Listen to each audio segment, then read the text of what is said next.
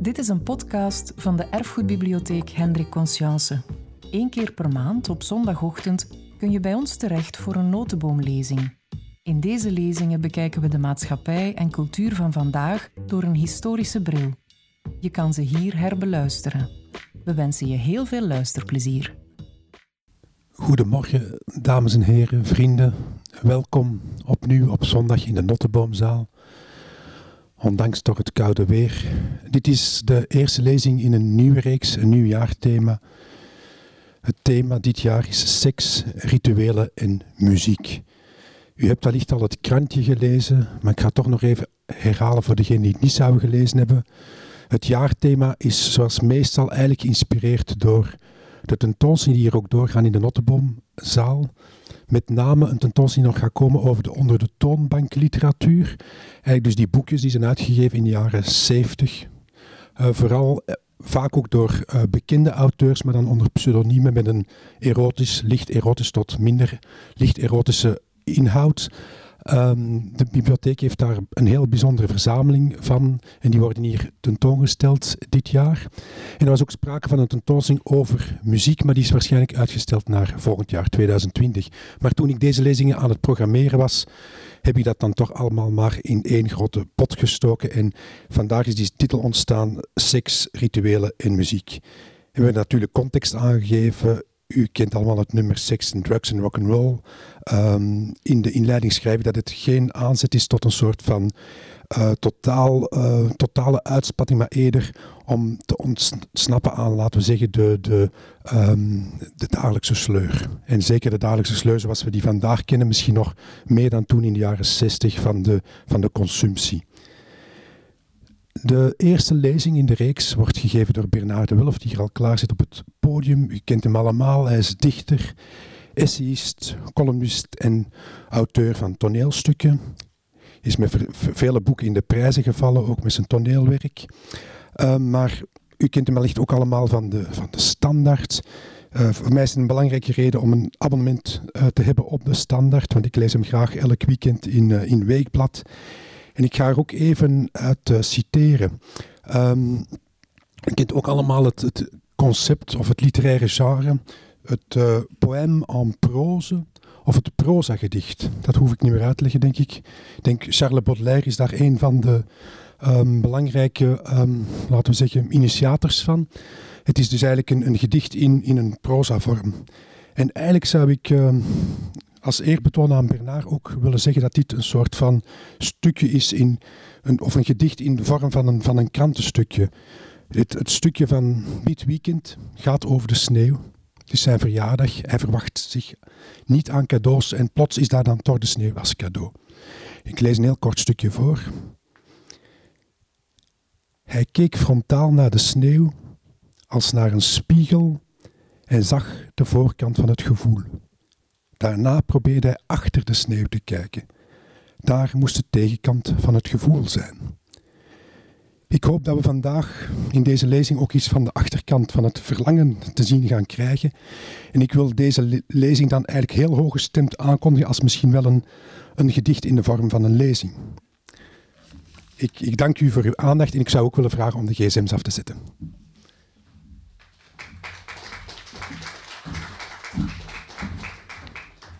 Dank je, Koen. Goedemorgen. Ik had gedacht dat u allemaal hiernaast zou zitten, in de Carolus Borromeuskerk, voor de eredienst, maar u bent er toch. Ik uh, ga dus een lezing, een ouderwetse lezing houden. Ik heb maar twee plaatjes meegebracht, dus geen hele diashow. Dus wie nog wil ontsnappen, dat kan nu nog heel even. Ik uh, ga beginnen met een kort stukje als inleiding op de langere lezing over verlangen, zoals dat aangekondigd is. Dus nogmaals, uh, een ouderwetse lezing. Ik heb dit meegebracht en wat ik nu ga voorlezen als inleiding gaat over dit beeld. Het schilderij dat u ziet is van Pierre Bonnard, heet L'enfant au pâté de sable en laat een kind zien met een emmertje en een schopje. Het kind zit op een zonovergoten binnenplaats en is verdiept in zijn handeling. Spelen met zand. Het is er alleen en weet niet dat het geschilderd wordt. Het is niets vermoedend. Al langer ontroert dit werk mij, om de fraaie kleuren, de sobere compositie en de delicate schildering. Maar ook om iets anders. Laat mij daar maar voor altijd zo zitten, gehurkt op een zonnige binnenplaats, bezig met een zandkasteel, verdiept en toegewijd. In een eenvoudig, intiem beeld roept Bonnard het paradijs van de kindertijd op. Het schilderij dateert van 1894, dat is 120 jaar geleden. Toen waren net de telefoon, de microfoon, de fonograaf en de luchtband ontdekt. Dan kan in onze tijd van Facebook, chronischheden en een verleden van enkele seconden de vraag reizen: is dit trage, stille kind met zijn zandkasteel nog relevant?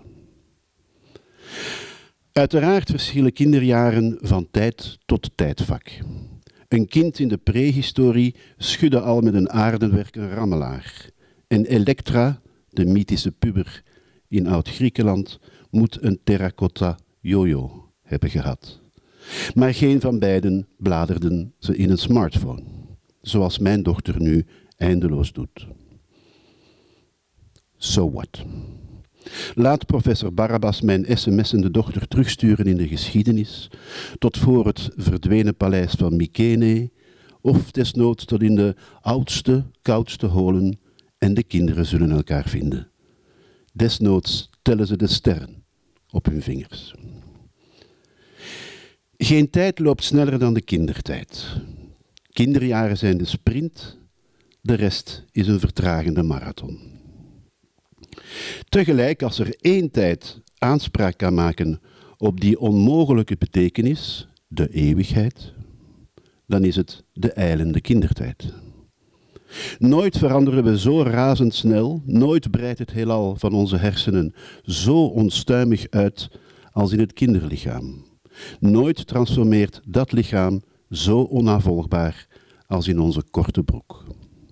En toch, nooit kan de hardlopende tijd tijdlozer lijken dan in die kinderdagen. Dat is de tegenstrijdigheid van de tijd. En het mooiste van al, uitgerekend in die jaren hebben we er geen idee van. Omdat we er geen idee van kunnen hebben. Later pas komen we het te weten, als het gelukkig te laat is. Later pas, wanneer we onszelf nog verliezen in dijen, drank, spiegels en bezittingen, weten we, nooit hebben we ons zo verloren als toen. Toen er vooral zand, wolken en bewusteloze uren waren. Natuurlijk kan ik me in mijn sceptische, zelfbewuste leeftijd nog altijd verliezen. Zelfs nog in de wolken of een bries. Maar ik weet dat ik me verlies. Ik vergeet nooit dat ik me wil vergeten. Nu is de vergetelheid een behoefte. Toen was ze gewoon vergetelheid. Het kind speelt op de binnenplaats met zand. En het kind wordt het zand en omgekeerd.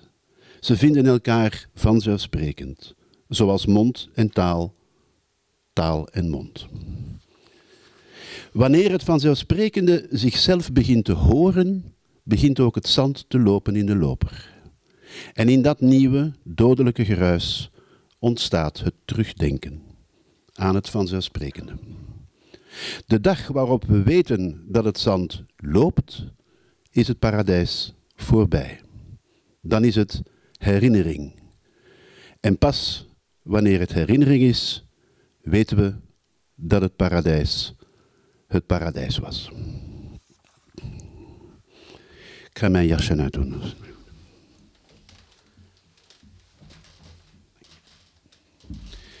Goed, dus nu ga ik over naar de echte lezing. Dit was maar een opwarming. Ik heb deze tekst uh, al eens uh, voorgelezen voor een klein gezelschap. En blijkbaar vraagt hij enige Aandacht. U bent gewaarschuwd. Dus de titel is De zwaarte van een libel. En dit plaatje heb ik meegebracht puur voor mensen die zich zouden vervelen. Dan kunt u daar naar kijken.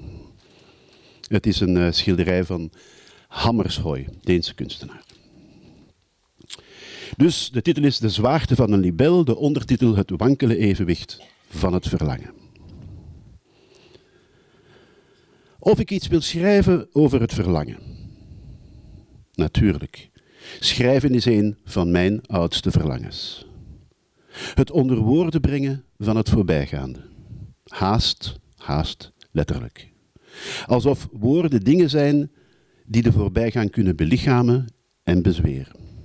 Alsof zij dat voorbijgaande, dat ijdele en eilende, een doel, een bewaarplaats of in het beste geval een ereplaats kunnen geven.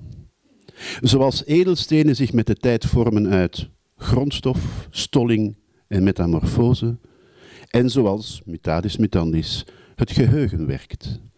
De triviaalste herinneringen kan het onthouden als onvergetelijke schitteringen. Even zie ik me, na de vraag, al lyrisch haar borsten beschrijven, zodat de lezer kan verlangen naar mijn bevoorrechte handen. Zie daar, dat is meteen een dubbel verlangen, lezer of luisteraar. Daarna begin ik te denken.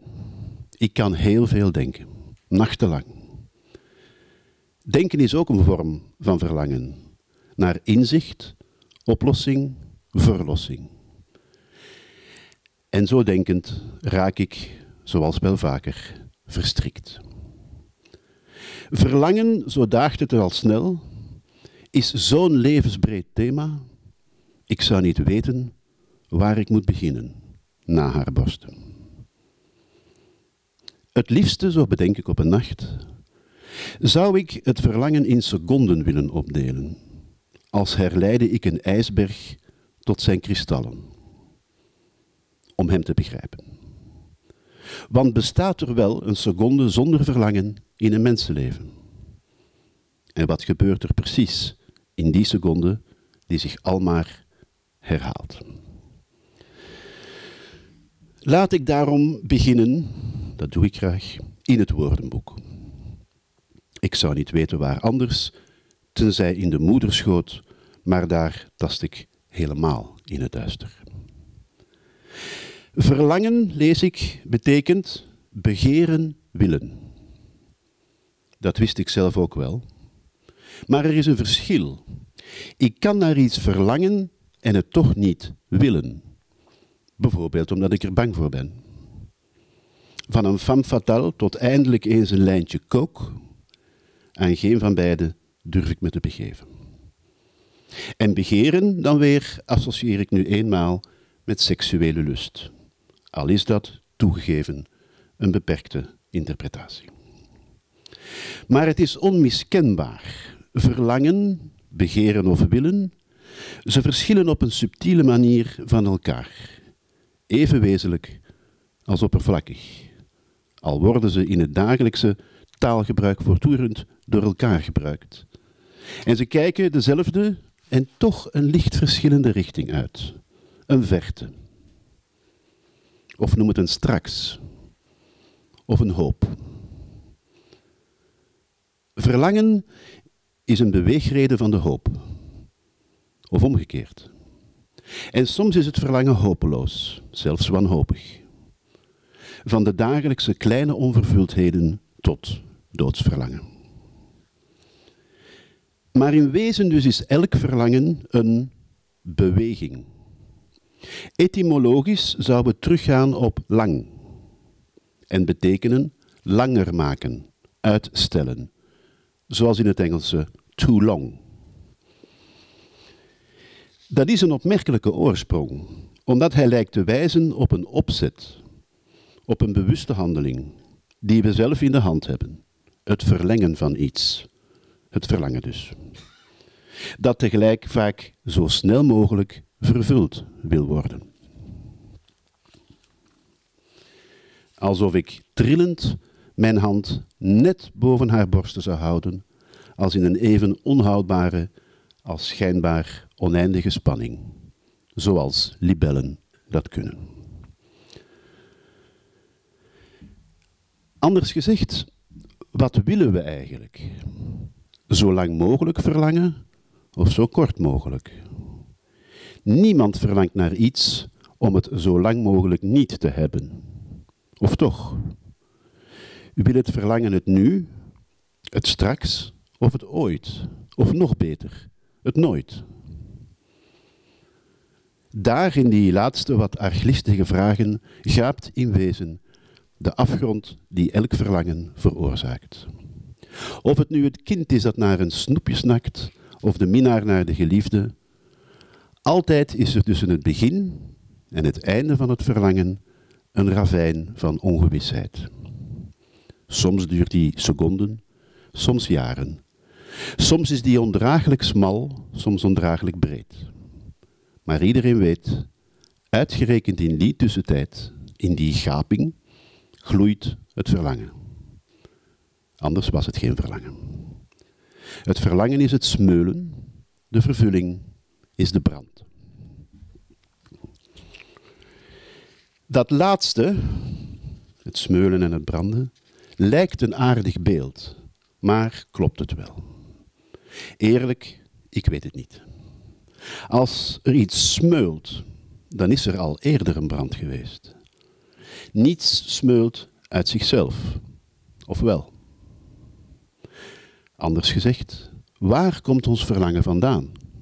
Wie of wat heeft het in ons aangestoken? Of aangericht? Of aangevuurd?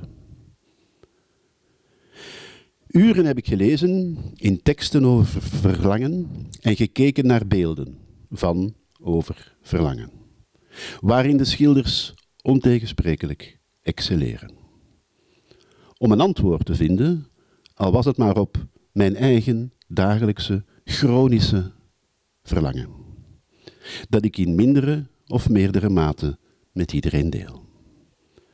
Als vanzelfsprekend kwam ik in een labyrint terecht, of preciezer, in een soort carousel.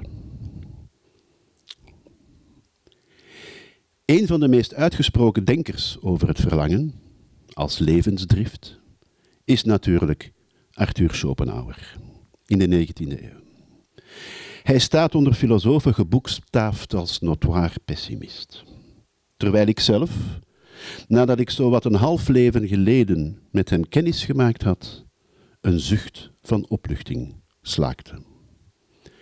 Eindelijk iemand die aangaf met argumenten dat ik niet zomaar als een mol dwaal in de doolhof van mijn bestaan. Er was, eenvoudig gezegd, iets wat mij stuwde. Ik was er evenzeer oorzaak als gevolg van.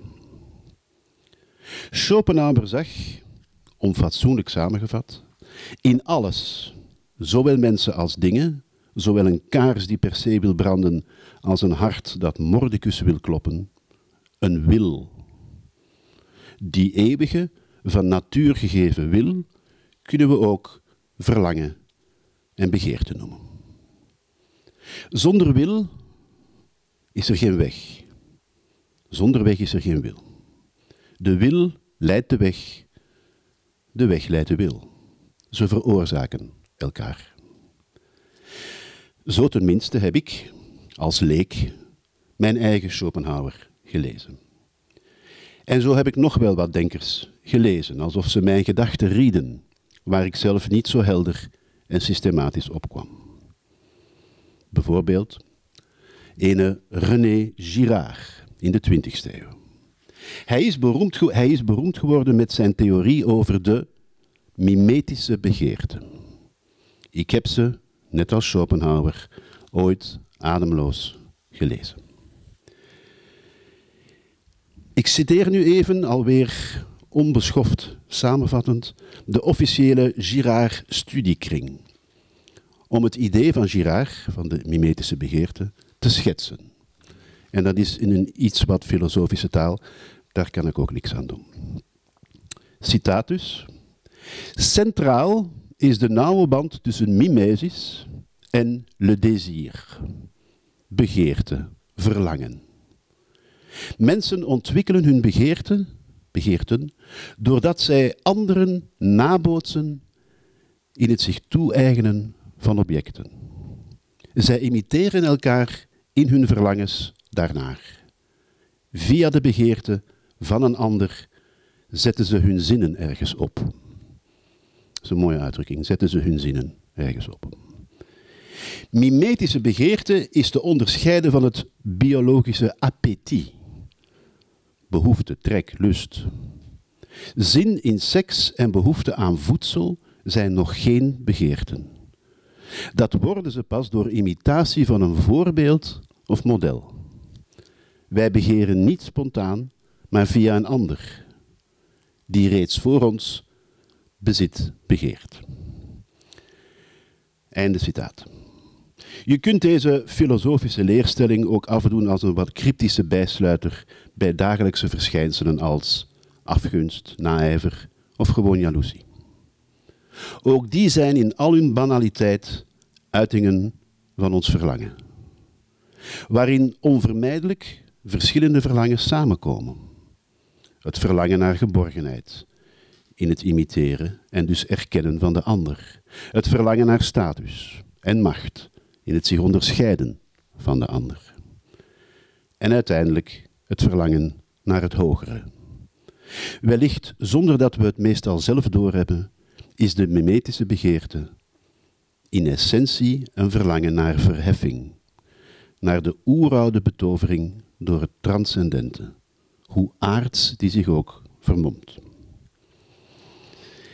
Ik was door dit alles behoorlijk aangeslagen. Alweer dus bleek mijn verlangen me al lang te zijn voorgegaan. Ik aapte maar wat voorgaande apen na. Ik herhaalde ook maar iets eeuwenouds.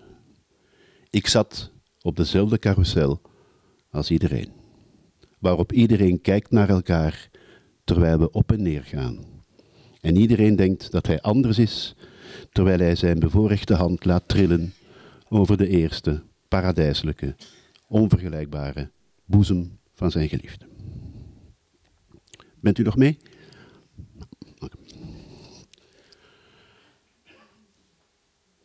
Zowel na Girard als Schopenhauer en andere denkers bleef er minstens één grote vraag in mij woelen. Wie of wat heeft ooit die stuwing in mij aangericht, die carousel doen draaien, die doolhof in mij ontworpen? En die ene vraag bracht nog een andere, schijnbaar laatste of eerste vraag. Wie of wat heeft er eigenlijk ooit naar mijn, ons, u, verlangen verlangd? Het antwoord ligt even voor de hand als het onbevattelijk is. Niets of niemand. Niets of niemand heeft ooit naar ons bestaan verlangd of uitgekeken. Laat staan erop gehoopt. Wij zijn van top tot teen, van ziel tot brein, van Romeo tot Julia, ons eigen verlangen. Niets of niemand ontfermt zich daarover. Ik kan niet anders dan dat aannemen, omdat het zich manifest in en om mij voordoet. Ik kan het eenzame verlangen dat dagelijks in mij beweegt niet ontkennen. Maar dan, dan beginnen pas de concrete vragen. Wat wil het verlangen precies van mij? En wat wil ik zelf eigenlijk van mijn verlangens? Alsof wij op gelijke voet met elkaar staan. Alsof het duidelijk is wie hier wie stuurt. Ik mijn verlangen of mijn verlangen mij. Alsof ik iets te zeggen heb aan mijn begeerten. Aan die stuwing in mijn rug richting morgen. Alsof ik zou kunnen zeggen, zoals in het spelletje tikkertje hoog, wanneer ik ergens veilig op een verhoging sta, nu kan het verlangen mij niet aanraken. Zo eenvoudig is het niet. Natuurlijk kan ik een aanzienlijk deel van mijn verlangens of begeerten beheren. Anders was het geen leven. Ik heb geleerd om mijn mimetische begeerte te beheersen, soms noodgedwongen, meestal door socialisatie, gezond verstand en noem maar op. Maar uiteindelijk is dat, doorgaans nuttige, symptoombestrijding. De oorzaak blijft het raadsel van dat verlangen zelf. En nu het woord dan toch gevallen is, het raadsel dat verlangen heet, er is evenzeer niets raadselachtigs aan, aangezien we er allemaal elke dag zowat chronisch onderhevig gaan zijn. Het is evenmin een leven om ons bij elk verlangen, van het banaalste tot het verhevenste, af te vragen waarom we het in godsnaam hebben. Of waarom het ons overkomt. Of waarom het ons bezielt, dan wel kwelt. Zelfs van de keukenklok zou je kunnen zeggen dat die het verlangen vertoont om elke seconde te tikken, zonder uiteraard enig idee te hebben waarom. Anders gezegd, het verlangen doet zich in kleine letters voortdurend in zoveel gedaante voor, dat we zelfs zouden kunnen zeggen dat we dat hele verlangen niet zozeer hebben, als wel zijn. In zijn boek Wachten op geluk, een filosofie van het verlangen, verwoordt de Nederlandse filosoof Koen Simon dit op een even kernachtige als wat onhandige manier. Ik citeer nu één zin van hem. Hij schrijft: Het menselijke verlangen is er al voordat hij weet wat hij wil. Ik ga die zin nog even herhalen. Het menselijke verlangen is er al voordat hij weet wat hij wil. Mochten er onderwijzers in de zaal zitten, dan hebben ze waarschijnlijk al door. De vreemde grammatica van deze zin, waarin het menselijk verlangen een hij wordt, geeft, vermoedelijk onvrijwillig, aan hoezeer de mens en zijn verlangen, zelfs in één zin, verstrikt kunnen raken. Alsof we ermee samenvallen en het verlangen ons, in zijn handen, maakt tot wie wij een leven lang zijn en worden en ook niet worden. Alsof het ons vooraf gaat. Als een voorafschaduwing van een aloud licht op onze rug dat ons beweegt. Dat klinkt, neem ik aan, stilaan allemaal wat metafysisch. Terwijl de dagelijkse handelingen van ons verlangen natuurlijk zo alledaags zijn als wat. En zich het grootste deel van hun tijd richten op en verwezenlijken in dingen, in materie, in het tastbare. Er bestaan duizend en één vormen, verschijningen en vermommingen van het verlangen. Al wordt de ene mens er al meer door bezocht dan de andere. En op haast onvatbaar veel uiteenlopende manieren, van het kind en het snoepje of de man met zijn trillende hand over haar borst tot de psychopaat en zijn slachtoffer, of de dictator en zijn heersucht. Van een verlovingsring tot de diamant, vervaardigd uit de assen van de overledene. Twee onderling zeer verschillende objecten die in wezen eenzelfde verlangen belichamen. Het verlangen naar vereeuwiging. Het verlangen lijkt wel de hydra, dat veelkoppige mythologische, die, die veelkoppige mythologische slang bestreden door Herakles. Zodra een kop wordt afgeslagen, groeien er twee nieuwe aan. Het kleinste verlangen kan tot het grootste leiden. Het verlangen vermenigvuldigt zichzelf in ons. Het is zowel een kakkerlak als de beweegreden voor ons geloof. In zijn eerder genoemde boek, Het Verlangen naar Geluk, behandelt Simon een twaalftal soorten verlangens. Onder meer het verlangen naar bestaan, naar thuis, naar onmiddellijkheid, naar gemeenschappelijkheid, naar een ander, naar het goede, naar zin, naar verandering, naar een afloop. Die lijst kan naar believen en in talloze varianten uitgebreid worden. van verlangen naar geborgenheid over het verlangen naar macht en status, tot dus het verlangen naar het hogere. Waarbij het verlangen naar het hogere net zo goed het verlangen naar geborgenheid omarmt en omgekeerd. Waarbij in wezen elk verlangen een ander kan schampen of kruisen of uitsluiten. En natuurlijk is er ook nog dat uberverlangen van ons huidige tijdsgevricht. Het veelbesproken verlangen naar geluk, waar een hele industrie omheen ontstaan is. Terwijl tegelijk depressie in onze tijd wereldwijd zowat de belangrijkste doodsoorzaak is geworden. Verlangen naar geluk, het is een open wonde. Nog altijd hier? Ja. In de afgrond van de smalste tot de wijdste, die elk verlangen veroorzaakt, kunnen ook de vreedste dingen plaatsvinden. Een man kan een heel huwelijk lang in het dubbelbed radeloos verlangen naar zijn vrouw. Zijn verlangen gloeit tussen vernedering en genade. Een kind kan levenslang hunkeren naar de goedkeuring van zijn moeder. Een acteur naar het onmogelijke ultieme applaus. Een zondaar naar de ondenkbare vergiffenis. Een blinde naar het licht. Het verlangen, dat is nu wel duidelijk, belast ons met een tremendum et fascinosum. Het veroorzaakt evenzeer grote verrukking als afgrondelijk leed. Evenzeer paniek als verlokking. En het beweegt zich benijdenswaardig makkelijk tussen het triviale en het sublieme.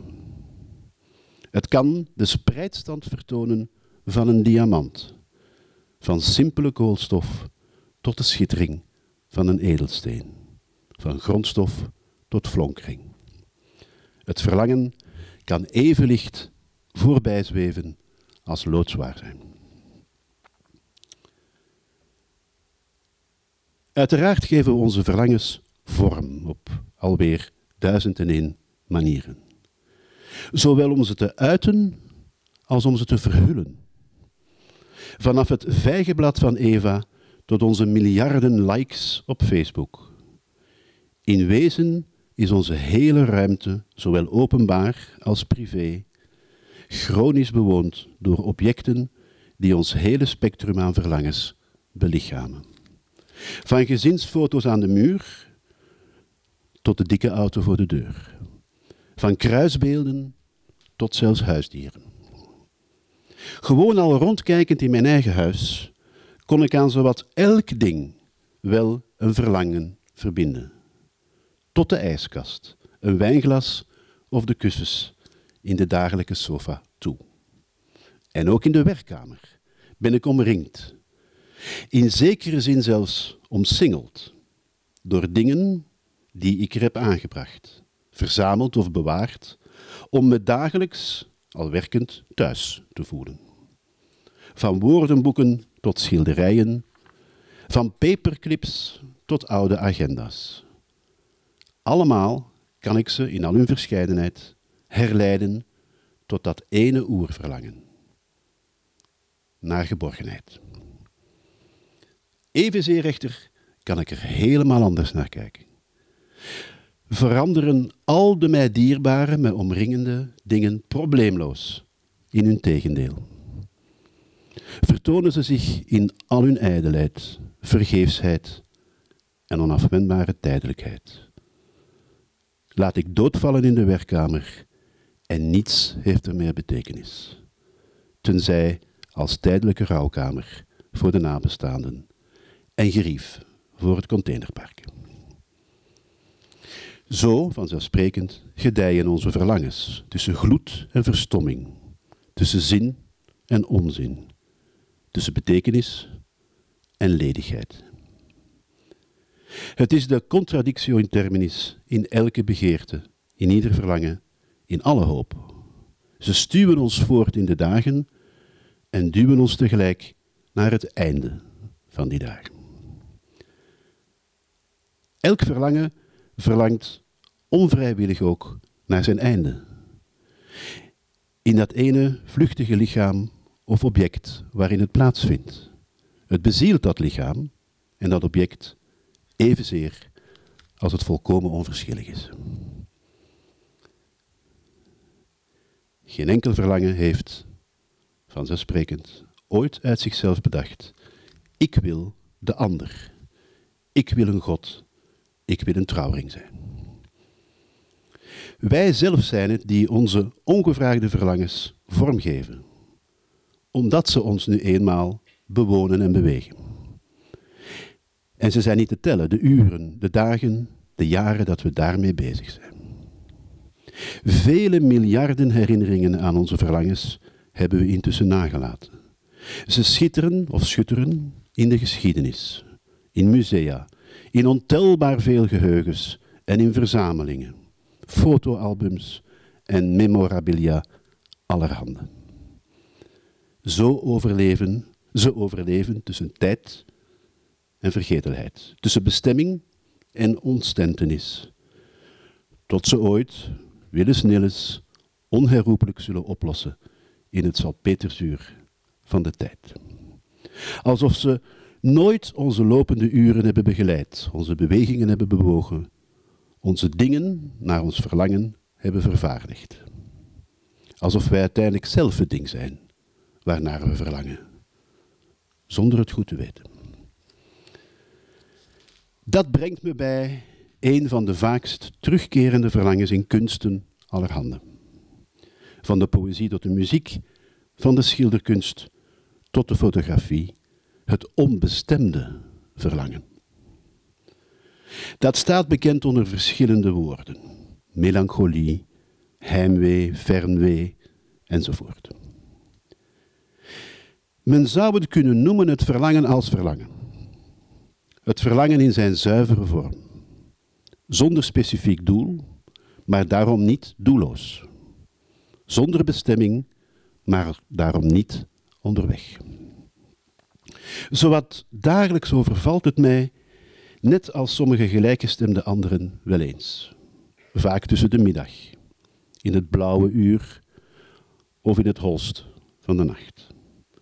Dat zijn blijkbaar een soort kieren in de dagen waarin dat verlangen tiert. Het lijkt een wat abstract, ijl onbeslist verlangen, waar tegelijk bibliotheken over volgeschreven zijn. En waar, zoals gezegd, de hele kunstgeschiedenis, maar ook de populaire cultuur en zelfs reisfolders van doordrongen zijn. Maar evengoed kan het buitengewoon tastbaar zijn. Althans, zo onderken ik het in wat misschien wel het meest constante en complexe verlangen is, zolang ik me kan herinneren, het verlangen naar de ander. Geen enkel andere verlangen, meen ik, heeft mij ooit melancholischer gestemd dan dit. Maar dat moet ik nuanceren. Er zijn talloze manieren om de ander te benaderen, evident. Van oogcontact over een goed gesprek of verstandhoudingen, naderingen en verbindingen tot de copulatie. Daar tussenin zoeken wij elkaar voortdurend. Ons ingeboren verlangen naar de ander kan, om het zo te zeggen, leiden naar de hemel en naar de hel. Talloos zijn de levens, de huwelijken, zelfs de vriendschappen, waarin het verlangen naar de ander ons vernietigt. Maar de grondtoon in mijn verlangen naar de ander is toch de onkenbaarheid van de ander. Nooit zal ik de vriend, de vrouw, zelfs niet mijn bloedeigen kind, werkelijk kennen. Laat staan dat ik er ooit mee zal samenvallen. Zoals gezegd, ik beleef dit als wat het meest bestendige verlangen in de dagen. Het uit zich even geestelijk als lichamelijk. Elke omarming is in gedachten een vereniging, maar in de armen zelf een moedige poging. Toch beschouw ik het, althans in de dagelijkse omgang, niet als een tragische kwestie. Het zou alweer geen leven zijn. Meer zelfs met de jaren heb ik er de genade en de schoonheid van ingezien. Heb ik allengs begrepen dat net daarin, in die eeuwige nadering, onze menselijkste, onvermogen en onze uiterste samenkomst schuilen. Dat de ander een grens is waarlangs wij verlangen naar de overgang, die nooit zal plaatsvinden. Altijd tussen alles en iedereen gaapt een niemandsland. Het lijkt me de even uitzichtloze als natuurlijke beweging die elk wezenlijk verlangen bezielt. Wij komen nooit verder dan onszelf, terwijl, wij, terwijl net wij zelf niets liever zouden willen. Niet omdat we dat per se zelf willen, maar omdat we gewild worden. Daarover schreef ik jaren terug ooit dit gedicht, dat ik nu ga lezen, want beter kan ik het eigenlijk intussen nog altijd, ikzelf althans, niet zeggen. Is kort. Het heet Zang.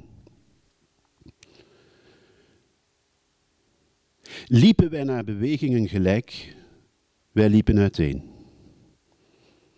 Vielen wij, dachten wij, samen, wij vielen niet weg.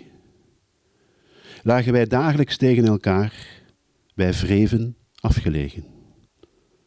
Zo hebben wij bestaan, altijd in het naderen, ving iets te zingen en zingend te ontbreken aan.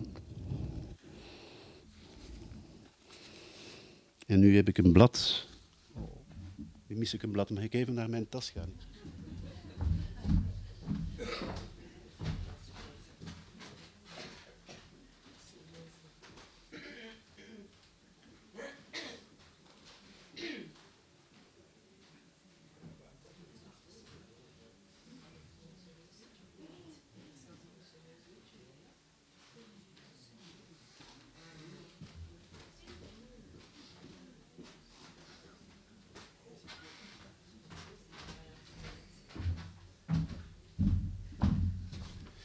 Dat hoorde bij de show hoor.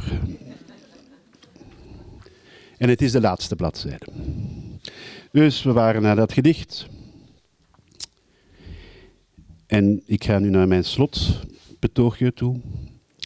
Na die vaststelling in het gedicht rijst de onontkoombare vraag: hoe wordt er naar mij verlangd? Anders gezegd, in welke mate ben ik zelf het onderwerp van al dat verlangen dat ik beleid jegens de ander? Hoe word ik als voorwerp, als doel van andermans verlangen, begeerte of hoop beschouwd? Het is geen onbelangrijke vraag en ze kan genadeloos zijn. Niet alleen is ze een romantische verzuchting naar de wederkerigheid van het verlangen.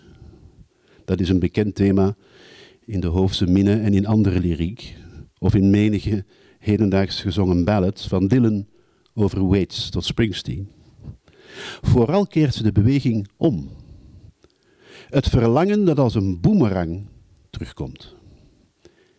Wie begeert, wil zelf ook begeerd worden. Of niet? Wie zelf verlangt, zal het zich toch ooit wel eens afvragen. Hoe en hoezeer word ik zelf verlangd? En dan moet ik het juiste antwoord schuldig blijven. Natuurlijk word ik wel eens begeerd, misschien zelfs zonder dat ik het weet. En hopen en rekenen sommigen op mij, van het kroost tot vrienden. Het zou anders geen leven zijn. En al even natuurlijk, zo heb ik het met de jaren leren aanvaarden, word ik niet begeerd wanneer ik dat wel eens zou willen. Zowel uit de verte als van nabij. Concreter. Verlangen de borsten naar mijn handen zoals mijn handen naar hen? Of ben ik meer verlanger dan verlangde? Meer zender dan ontvanger? Meer begerend dan begeerd. Dat geschil is zo oud als de straat. Het is de kwetsbaarheid, de weerloosheid die elk verlangen intrinsiek in zich draagt. Onvermijdelijk is de ene mens meer aangeraakt door begeerte dan de andere, in de breedste zin van dat woord. En ik zelf adem nu eenmaal aan de zijde van de begeerders. Dat heeft voor- en nadelen.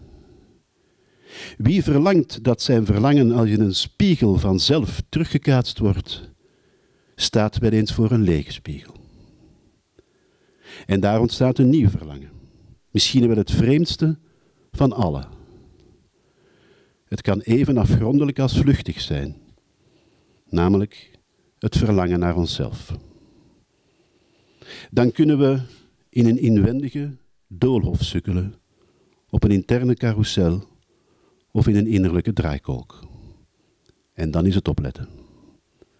Dan vertoeft men in zeer ongewis gebied, in het moeras, het drijfzand, ergens tussen de koolstof die men in wezen is en de di diamant die men soms denkt te zijn.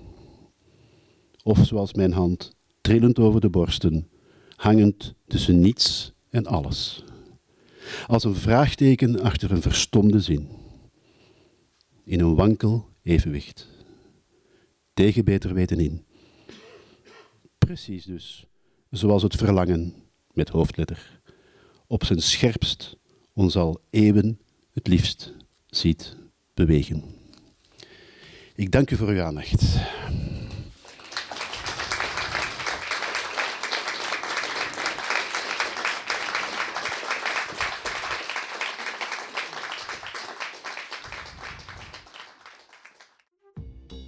Je luisterde naar een podcast van de Erfgoedbibliotheek Hendrik Conscience. Wil je nog een andere lezing beluisteren? Ga dan naar www.consciencebibliotheek.be-herbeluister.